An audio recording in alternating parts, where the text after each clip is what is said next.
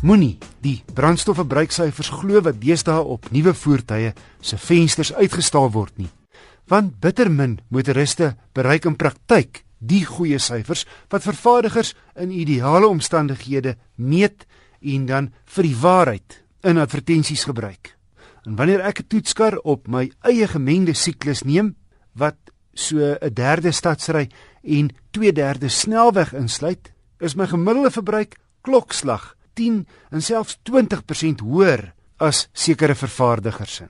Terloops, ek ry soos 'n gewone motoris en wanneer ek op die snelweg klim, trap ek hom voluit weg van 0 na 120 km/h.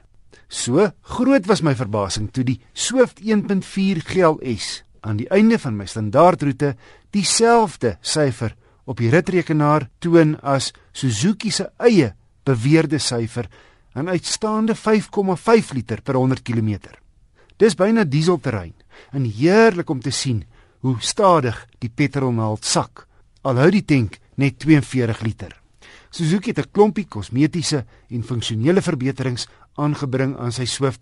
Opvallend voor is 'n streep helder LED dagryligte langs elke ronde mislig voor en die kom outomaties aan wanneer jy die kar aanskakel en netjies 'n nuwe 16 duim alloy wiele. Hierdie GLS model het kontroles vir die spoedbeheer, telefoon en klank op 'n aantreklike leerstuurwiel.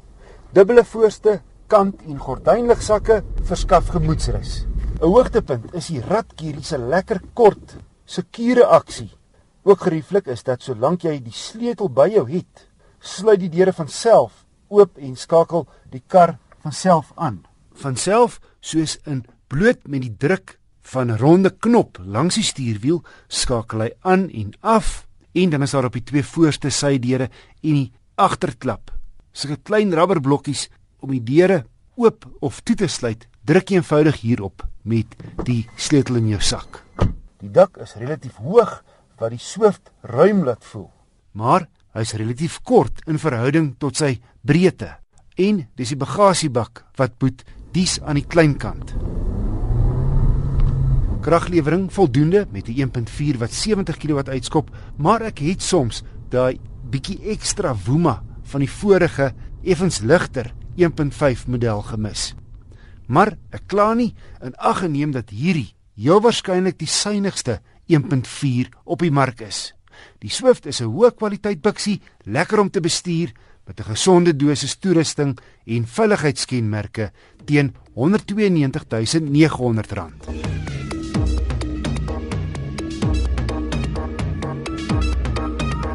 Kia het al 'n goeie stuk of 10000 sportaagemodelle verkoop sedert die bekendstelling presies 4 jaar gelede, of gemiddeld so 200 'n maand.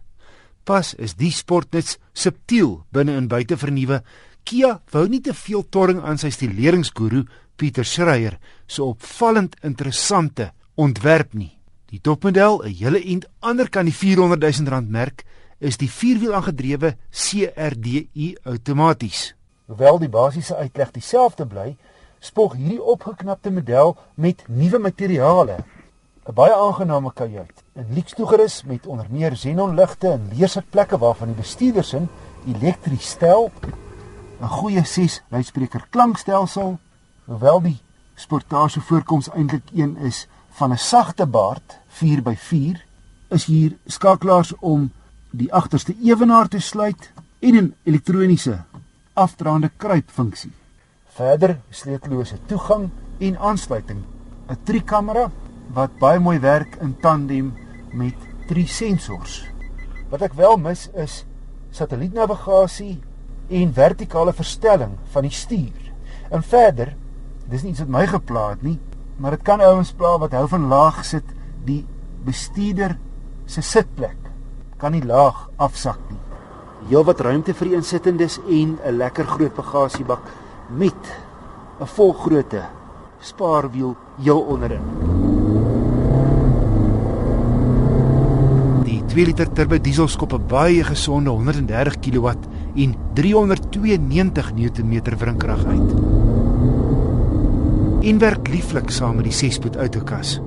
Daar's bittermin om nie van die Kia te hou nie. Die ongunstige wisselkoers knou egter Kia se pryse en die Sportage is nie meer die winskoop van destyds nie.